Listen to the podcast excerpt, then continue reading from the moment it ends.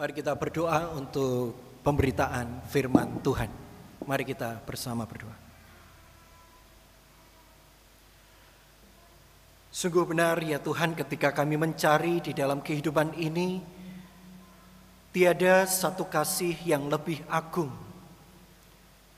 Jika dibandingkan dengan kasih Tuhan sendiri Kasih yang memampukan kami untuk kami bisa menjalani kehidupan kami kasih yang memampukan kami untuk kami bisa hidup di dalam perdamaian dan penerimaan diri kami dan bahkan orang lain. Oleh karenanya ya Tuhan saat ini kami juga memohon cinta kasih-Mu itu supaya kami sebagai anak-anak-Mu terus rindu dan mencari kebenaran sabda Tuhan di dalam kehidupan kami yang sebentar lagi akan kami baca dan kami renungkan. Biarlah Engkau memberkati setiap kami di dalam kelebihan maupun keterbatasan kami masing-masing. Kami percaya bahwa Tuhanlah yang akan menolong dan memampukan kami untuk merenungkan sabda kebenaran firman Tuhan. Berfirmanlah ya Tuhan, sebab kami anak-anakmu siap untuk mendengarkan. Amin. Jemaat Tuhan yang terkasih, bacaan Alkitab kita pada hari ini diambil dari keluaran pasalnya yang ketiga, ayatnya yang ke-8 hingga ke-12, lalu dilanjutkan pasal 4, ayatnya yang ke-10 hingga ke-12. Ini hanya sebagian kecil dari kisah yang besar, saudara-saudara. Keluaran 3 ayatnya yang 8 hingga 12 lalu dilanjutkan 4 eh, pasal 4 ayatnya yang ke-10 hingga 12. Sebab itu aku telah turun untuk melepaskan mereka dari tangan orang Mesir dan menuntun mereka keluar dari negeri itu ke suatu negeri yang baik dan luas. Suatu negeri yang berlimpah-limpah susu dan madunya, ke tempat orang Kanaan, orang Het, orang Amori, orang Feris, orang Hewi dan orang Yebus. Sekarang seruan orang Israel telah sampai kepadaku. Juga telah kulihat betapa kerasnya orang Mesir menindas mereka. Jadi sekarang pergilah aku mengutus engkau kepada Firaun untuk membawa umatku orang Israel keluar dari Mesir. Tetapi Musa berkata kepada Allah, "Siapakah aku ini? Maka aku yang akan menghadap Firaun dan membawa orang Israel keluar dari Mesir." Lalu firman-Nya, "Bukankah aku akan menyertai engkau? Inilah tanda bagimu bahwa aku yang mengutus engkau." Apabila engkau telah membawa bangsa itu keluar dari Mesir, maka kamu akan beribadah kepada Allah di gunung ini. Pasal 4 ayat 10. Lalu kata Musa kepada Tuhan, "Ah Tuhan, aku ini tidak pandai bicara. Dahulu pun tidak dan sejak engkau berfirman kepada hambamu ini tidak. Sebab aku berat mulut dan berat lidah." Tetapi Tuhan berfirman kepadanya, Siapakah yang membuat lidah manusia? Siapakah yang membuat orang bisu atau tuli? Membuat orang melihat atau buta? Bukankah aku, yakni Tuhan? Oleh sebab itu, pergilah. Aku akan menyertai lidahmu dan mengajar engkau apa yang harus kau katakan. Demikianlah firman Tuhan, kita adalah orang-orang yang berbahagia ketika kita mau merenungkan firman Tuhan dan melakukannya dalam hidup sehari-hari. Haleluya.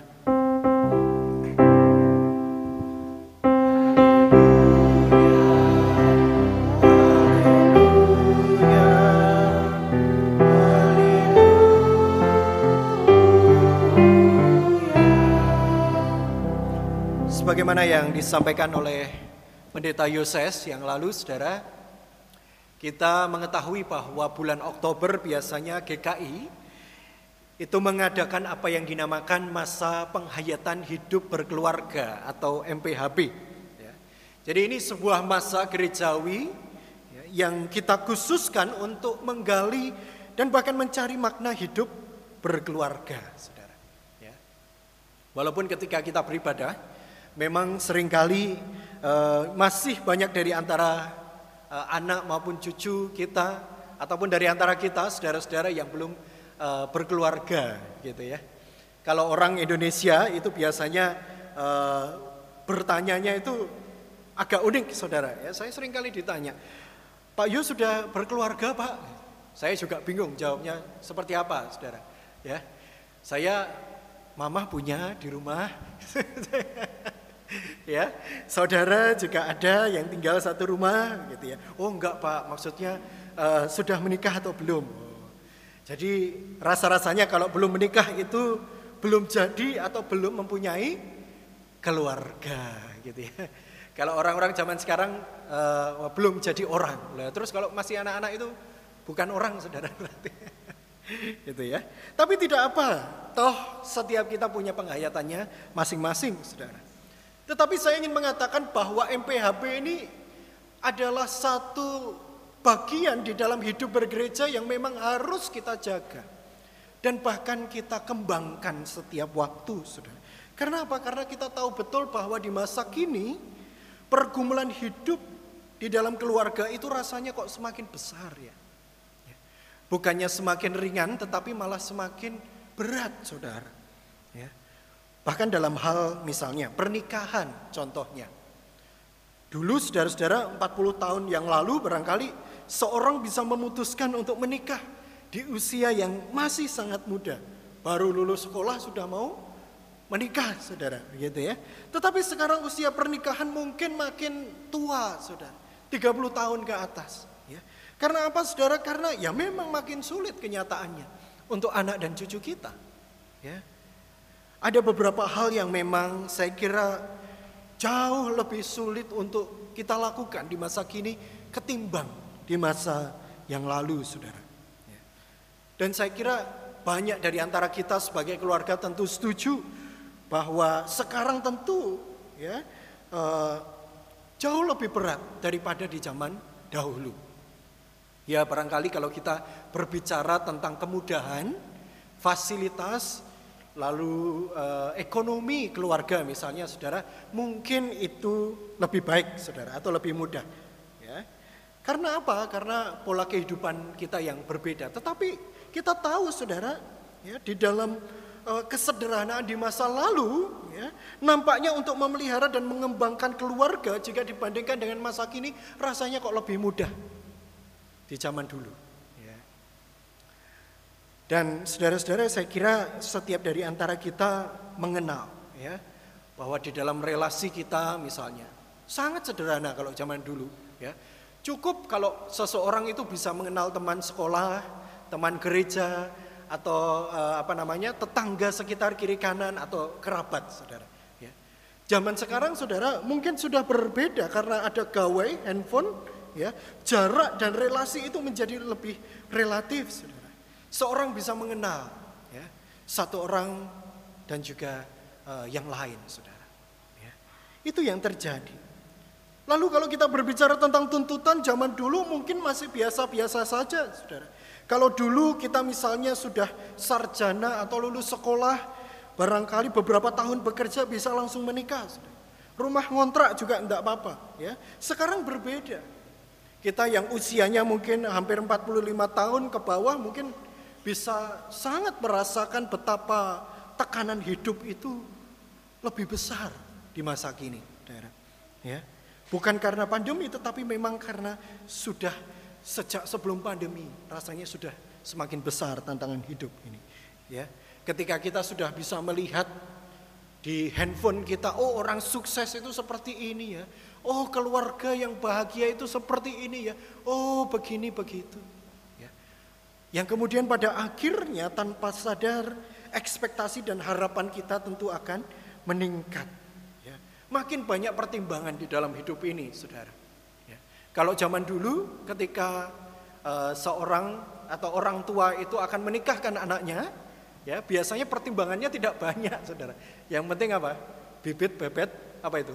Bobot itu ya Eh, nah, tapi mungkin sekarang mungkin lebih kompleks lagi, saudara. Banyak sekali. Saya tidak tahu ini Bu Penny yang mau mantu ini kriterianya apa ini calon mantunya. Wah oh, seiman, oh sederhana ya, seiman ini luar biasa sekali. Ya, tetapi barangkali ada banyak yang kita juga masih kita pikirkan. Oh nanti kalau anakku begini bagaimana ya? Nanti kalau pasangannya begini bagaimana ya? Banyak sekali saudara. Ya. Oleh karenanya tidak heran saudara bahwa tekanan-tekanan di dalam kehidupan itu juga makin besar di zaman sekarang. Ya. Dan rasanya bahkan makin rapuh mentalitas kehidupan kita Seorang di zaman sekarang itu rasanya makin kerdil jika dibandingkan uh, di masa lalu, saudara. Mudah untuk tidak percaya diri, mudah untuk berprasangka buruk, mudah untuk khawatir, mudah untuk cemas, mudah untuk putus asa dan lain sebagainya, saudara. Ya. Seperti kalau anak-anak kita, saudara, ya kita yang masih muda ini biasanya dikenal dengan sebagai uh, apa? generasi stroberi. Ya Generasi stroberi itu seperti apa, saudara? Wah, penampakannya indah sekali dari luar, gitu ya. Wah, pintar, gitu ya, cerdas, gitu ya. Tetapi begitu layaknya seperti stroberi, saudara, ketika dikasih air sedikit saja, kulit dari stroberi itu bagaimana, saudara? Mengelupas, ya. Mudah sekali untuk mengelupas ya, stroberi itu. Nah, sama seperti kehidupan kita, saudara. Ya. Dan tidak heran Bahkan dengan keberadaan kita, tantangan kita yang sekarang usia atau angka kematian itu sekarang jauh lebih muda, saudara. Ya. Kalau dulu mungkin 60, 70 gitu ya. Sekarang jauh lebih muda lagi, saudara-saudara.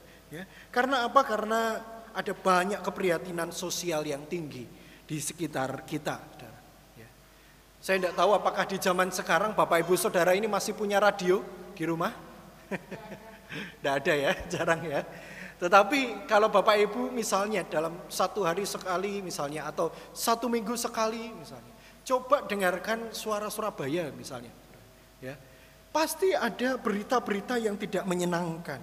Ada anak yang bunuh diri, ya, ada orang yang bunuh diri, ya. lalu bahkan ada persoalan-persoalan yang lain tanpa alasan yang jelas. Ada seorang remaja kemudian keluar pergi dari rumahnya saudara. Meninggalkan orang tuanya. Banyak saudara. Ya. Dan bahkan tidak hanya itu saudara yang tidak kalah sulit kita yang uh, saat ini uh, sudah berusia senior gitu ya. Bukan tua saudara tapi senior. Ya takutnya bapak ibu saudara marah nanti. Ya. Tentu kita mengalami kebimbangan yang luar biasa di dalam kehidupan ini. Seperti layaknya kita ini sedang berdiri di tengah uh, apa dua kaki begitu ya. Di dunia yang berbeda, Saudara. Ya, banyak sekali pergumulan dunia yang semakin kompleks ini. Dan untuk itulah saudara-saudara saya ingin mengatakan bahwa kita yaitu keluarga, gereja-gereja yang kecil ini diajak untuk terus bergumul dan menumbuhkan spiritualitas kita. Dan saya kira mau itu di zaman dulu maupun zaman sekarang keluarga itu memiliki peranan yang sangat penting, saudara. Ya. Tuhan itu melihat uh, keluarga sebagai uh, apa lembaga yang paling penting. Ya. Buktinya apa? Kalau kita melihat kejadian satu, saudara, lembaga pertama kali, lembaga yang tertua yang diciptakan oleh Allah, itu bukan organisasi, bukan gereja, saudara bukan uh, masyarakat, komunitas, saudara. tetapi apa? Keluarga. Ya, di sana ada Adam dan Hawa dan seterusnya itu ya. Jadi keluarga ini dipandang sebagai sesuatu atau komunitas yang paling penting. Karena apa saudara? Karena ketika Tuhan ini menghadirkan keluarga, maka di dalamnya kita pun juga belajar ya, akan nilai-nilai kehidupan yang mendasar.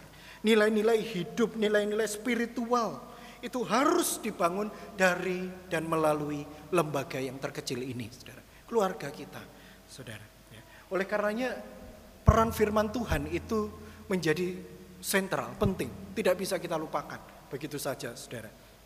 Nah, hari ini saudara-saudara secara khusus kita belajar dari seorang tokoh Alkitab yang sangat besar sekali. Ya. Orang Kristen, ya, apalagi yang kita sudah katekisasi harus tahu tokoh ini, saudara. Tentang siapa? Mu? Musa, saudara. Ya, dalam keluaran ini kisah uh, Nabi Musa, saudara. Ya. Siapa yang tidak kenal Musa, saudara? Ya. Bahkan orang-orang Yahudi, ya, orang uh, Yudaisme itu menganggap Musa itu seperti layaknya Yesus ya, bagi kita sebagai orang Kristen. Ya. Disamakan, saudara-saudara. Ya. Tetapi pertanyaannya bagi kita, kalau kita saat ini belajar dari uh, seorang yang bernama Musa ini, saudara-saudara, Bagaimana kita bisa belajar? Apa ya cocok tuh Pak? Wong Musa itu adalah orang yang besar, kita ini mungkin jauh lebih kecil daripada Musa. Kita tidak memiliki keistimewaan layaknya Musa. Gitu kan ya? Tetapi saudara-saudara justru saya ingin mengatakan melalui tokoh yang besar inilah. Ya, yang luar biasa besar inilah kita justru belajar bagaimana rasanya menjadi orang kecil Maksudnya apa saudara? Orang seistimewa Musa saja ya, bisa kecil hatinya, cupet hatinya. Ya. Orang sebesar Musa saja bisa kehilangan kepercayaan diri dan bahkan merasa tidak sempurna, saudara. Ya. Kalau kita melihat pasal 3, pasal 4, saudara-saudara bisa nanti baca di rumah. Ya. Berkali-kali di sana dikatakan ya, Tuhan berbicara untuk memanggil Musa, meyakinkan dia. Tetapi berkali-kali pula Musa ini menampakkan ketidaksempurnaan di dalam dirinya. Dia mencitrakan dirinya sebagai seorang yang tidak layak. Atau dalam bahasa Jawanya itu ngeles saudara, kepada Tuhan. Ya. Bapak Ibu Saudara melihat di dalam uh, bacaan kita empat kali di sana disebutkan ya argumentasi Musa kepada Tuhan ya. Jadi pasal 3 ayat 13 dan 14, lalu yang kedua ada pasal 4 ayat 1, lalu pasal 4 ayat 10, pasal 4 ayat 13. Banyak sekali. Dan yang pertama Saudara, begini cara membantahnya. Loh Tuhan, Tuhan siapa toh aku ini? Ya. Sehingga engkau menyuruh aku bertemu dengan Firaun. Tuhan menjawab di sana. Ya. Lalu yang kedua ketika Tuhan juga menjelaskan, sudah menjelaskan macam-macam. Musa ini juga kembali berargumen kepada Tuhan. Apa buktinya Tuhan kalau kita ini bertemu? Apa ya Firaun itu percaya toh sama aku? Itu kan ya kira-kira. Ya. Di sini saudara-saudara Tuhan menjawab lagi dan Bapak Ibu tahu ceritanya bagaimana. Gitu ya. Ketiga kalinya setelah dijelaskan masih saja Musa ini punya alasan Ya. Tuhan, ya, aku ini tidak pandai berbi, berbicara. Ya. Aku ini dalam bahasa Ibrani berat lidah, ya, berat mulut. Ya. Ada penafsir yang mengatakan saudara-saudara eh, biasanya ada yang menyebutkan sebagai oh Musa ini gagap, oh tidak bisa lancar bicaranya. Mungkin bukan begitu, saudara. Ya, tetapi lebih tepatnya lagi adalah ketika Musa ini lebih cocoknya adalah mungkin dia ini bukanlah orang yang cepat di dalam argumentasi atau uh, berargumen. Gitu saudara ya. Dia bukanlah orang yang cepat tanggap untuk uh, apa berkata-kata kepada orang lain. Gitu kira-kira. Ya. Atau dalam bahasa kerennya adalah thinking well talking. Yang bisa berpikir sambil berbicara itu saudara nah Musa itu bukan demikian. Ya Bila kita menggunakan uh, pendekatan psikologi misalnya saudara-saudara, kan ada jenisnya gitu ya.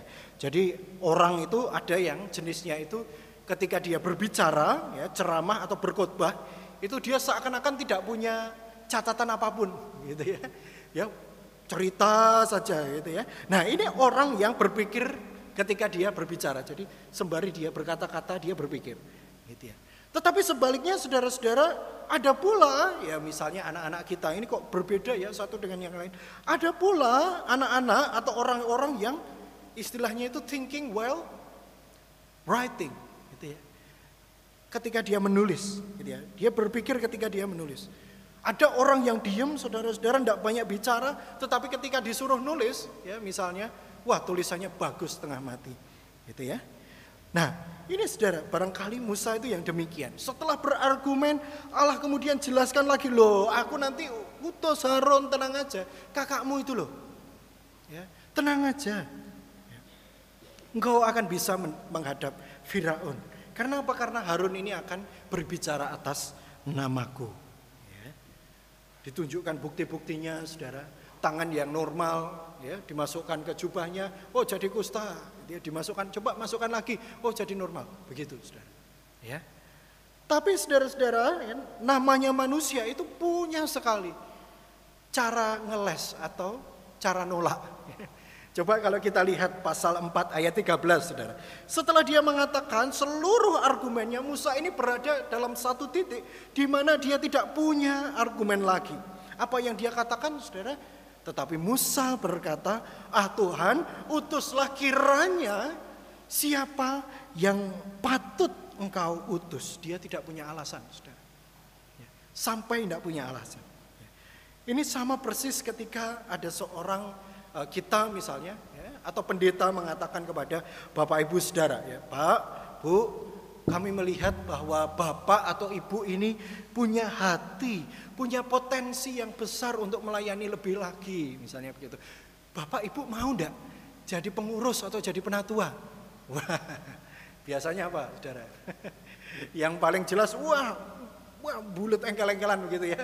Mungkin saja bisa engkel-engkelan. Sampai pada akhirnya kita bingung berkata, wah wes pak pokoknya ojo aku pak, ya, pilih orang lain saja. gitu ya, pilih A, pilih B, pilih C, gitu ya. Jangan saya. Ya. Mereka lebih baik dari saya. Ya. Biasanya ada uh, lagu rohani yang bertemakan panggilan itu, saudara-saudara. Gimana bu lagunya bu? Ini aku utuslah Tuhan. Wah bagus sekali ya.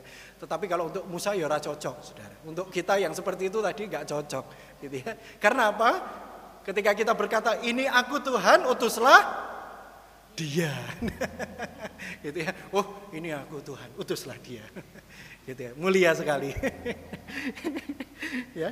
Tetapi inilah saudara-saudara kita jadi mengerti dalam interaksi Allah dengan Musa ini menarik. Musa ini berusaha menjelaskan siapa dirinya di hadapan Tuhan dengan segala tanggung jawab yang diberikan Tuhan. Sebaliknya Tuhan ini juga sebenarnya mengerti bagaimana Musa itu saudara. Ya. Dalam hidup itu juga sering kali demikian saudara. Perspektif kita terhadap diri kita bisa saja mungkin berbeda. Ya. Orang lain dalam melihat kita misalnya.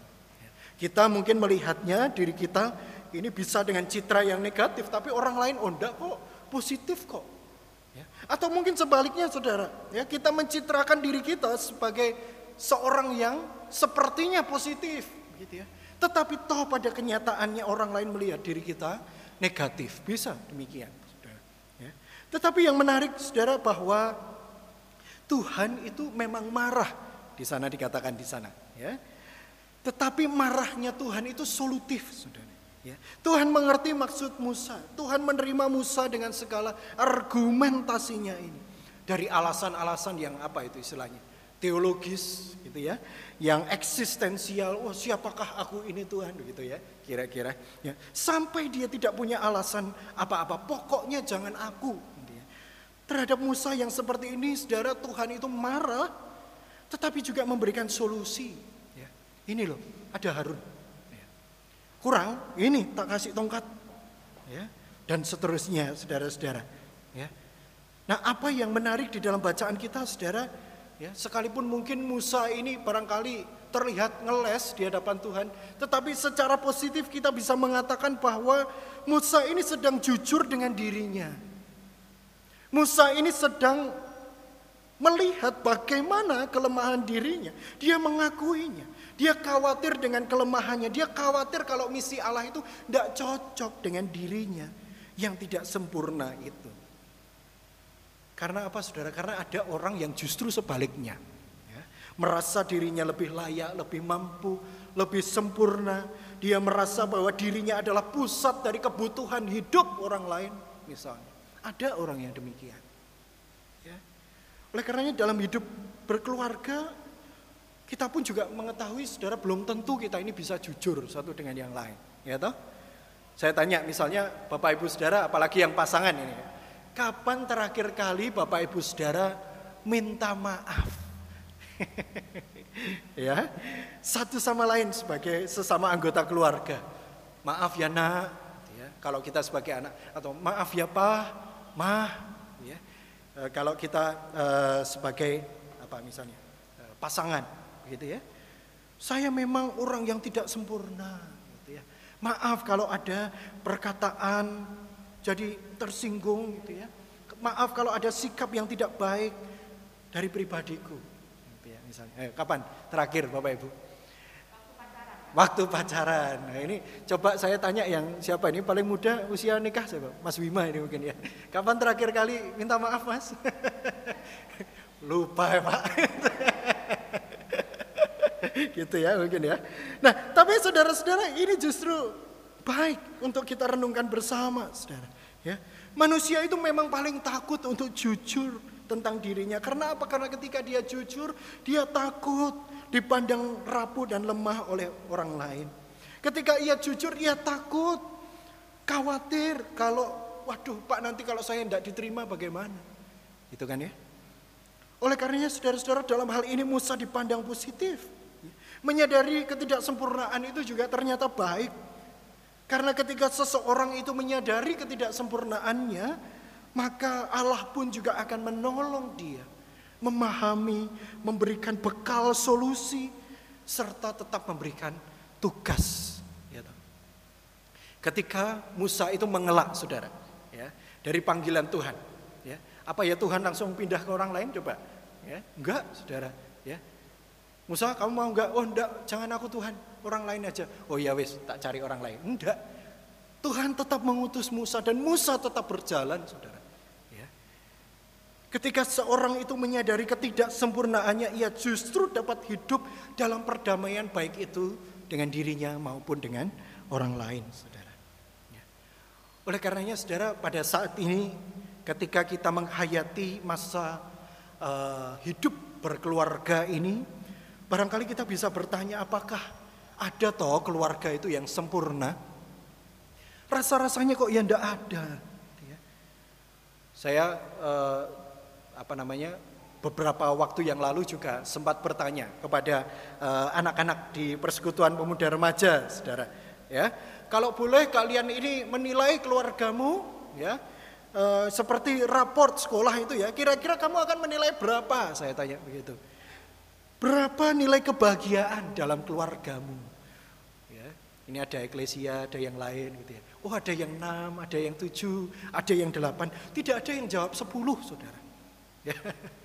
Ya. itu artinya ingin menunjukkan bahwa sebenarnya memang tidak ada keluarga yang benar-benar sempurna. Keluarga yang sempurna itu hanyalah keluarga yang kita lihat, saudara-saudara. Ya. Barangkali kalau kita bertanya ke keluarga pendeta misalnya ya, wah keluarga pendeta itu kok ya wayem gitu ya rasanya. Coba tanya saudara, ya, mampir ke rumahnya gitu ya. Besok kalau saya berkeluarga silahkan datang saudara. ke pastori, jangan sungkan ya. Atau misalnya siapa tanya dari antara kita ya. Ini ada penatu wanita, ada Pak Rianto misalnya yang wayem sama Bu Neti itu ya, wah wayem kok ya, gak tahu tengkar ya. Coba tanya. Ya. Pasti setiap keluarga itu punya pergumulan dan salibnya masing-masing, saudara. Ya, Musa nabi yang luar biasa itu sampai akhir hidupnya dia juga terus bergumul di dalam kelemahan dan ketidaksempurnaannya. Dan inilah yang kita contoh dari Musa saudara ketika dia jujur dia apa saudara? Dia merasa butuh dibantu oleh Tuhan. Ya. Ada orang yang sebenarnya sudah tidak jujur, tidak butuh dibantu oleh Tuhan lagi. Wah ini, semoga Bapak Ibu Saudara tidak ada yang demikian, gitu ya. Tetapi kita belajar, saudara, ya dari Musa ini. Kita bisa berkembang justru karena keluarga kita ini tidak sempurna. Coba kalau keluarga kita ini sempurna, saudara. Mungkin kita tidak akan belajar tentang makna hidup yang baik itu seperti apa. Mungkin kita tidak akan peduli karakter yang baik, karakter yang buruk, yang melukai dan yang membahagiakan itu seperti apa. Begitu kan ya? ya. Itu artinya saudara kita justru bisa bertumbuh ketika keluarga kita tidak sempurna. Tetapi kita pun juga perlu mengetahui setiap keterbatasan hidup kita di dalam keluarga kita masing-masing. Dan bisa saja saudara, Tuhan itu menghadirkan harun-harun yang lain untuk bisa menjadi penolong bagi kita. Yang menolong kita untuk mengolah hati kita bersama dengan Allah, saudara.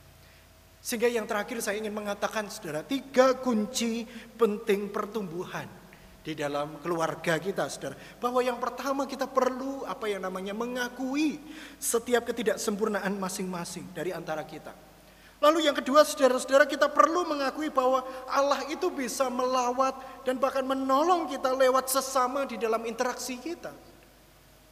Allah itu yang ketiga Allah itu juga bisa melawat kita dengan caranya sendiri yang melampaui setiap akal pikiran kita masing-masing.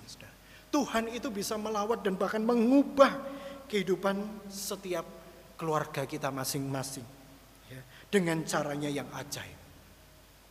Nah pertanyaannya bagi kita saudara, sudahkah kita meminta lawatan Tuhan itu setiap waktu bagi keluarga kita? Bagi orang tua kita, bagi anak-anak kita. Sehingga kita dimampukan menjalani hidup yang sempurna di tengah ketidaksempurnaan kita. Tuhan memberkati. Amin. Mari kita bersama berdoa syafaat dan kita akhiri dengan doa Bapa kami. Mari kita berdoa.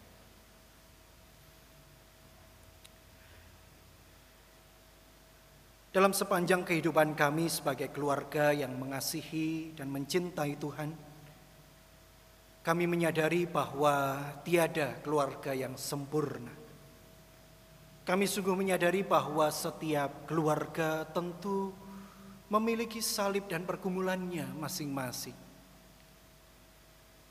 Untuk itulah ya Tuhan, ketika Engkau menjadikan kami dengan segala kelemahan dan ketidaksempurnaan itu merupakan satu kesempatan yang indah untuk kami bisa belajar saling mengasihi di dalam kelemahan kami.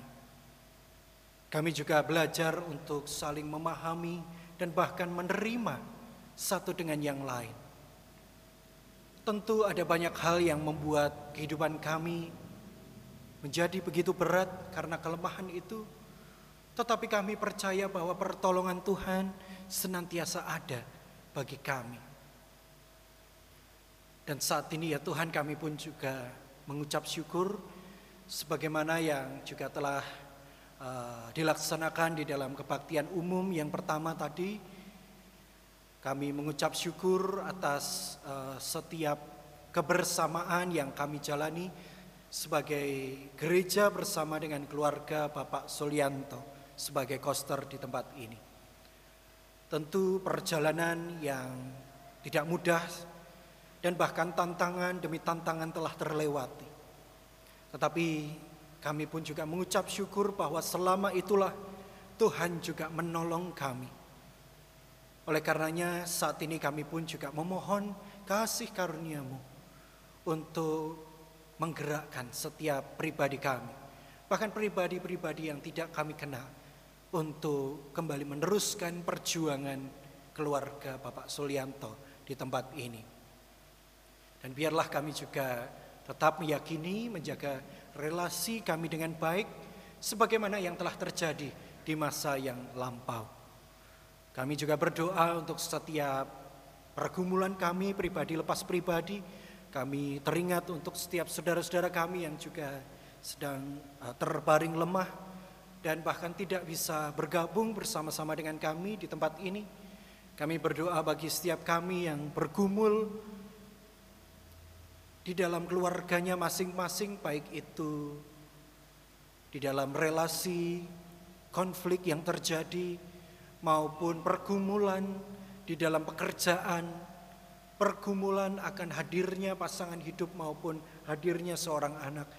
Kami percaya bahwa mata Tuhan tidak kurang jelas untuk melihat setiap keadaan dan bahkan kehidupan kami pribadi lepas pribadi.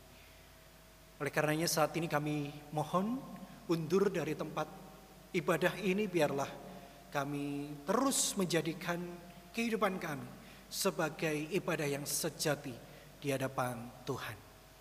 Inilah setiap seru doa syafaat kami, biarlah kami alaskan dengan doa yang engkau ajarkan kepada kami. Bapa kami yang ada di surga, dikuduskanlah namamu, Datanglah kerajaanmu, jadilah kehendakmu di bumi seperti di surga. Berikanlah kami pada hari ini makanan kami yang secukupnya. Dan ampunilah kami akan kesalahan kami, seperti kami juga mengampuni orang yang bersalah kepada kami. Dan janganlah membawa kami ke dalam pencobaan, tetapi lepaskanlah kami daripada yang jahat. Karena engkaulah yang empunya kerajaan dan kuasa dan kemuliaan sampai selama-lamanya. Amin.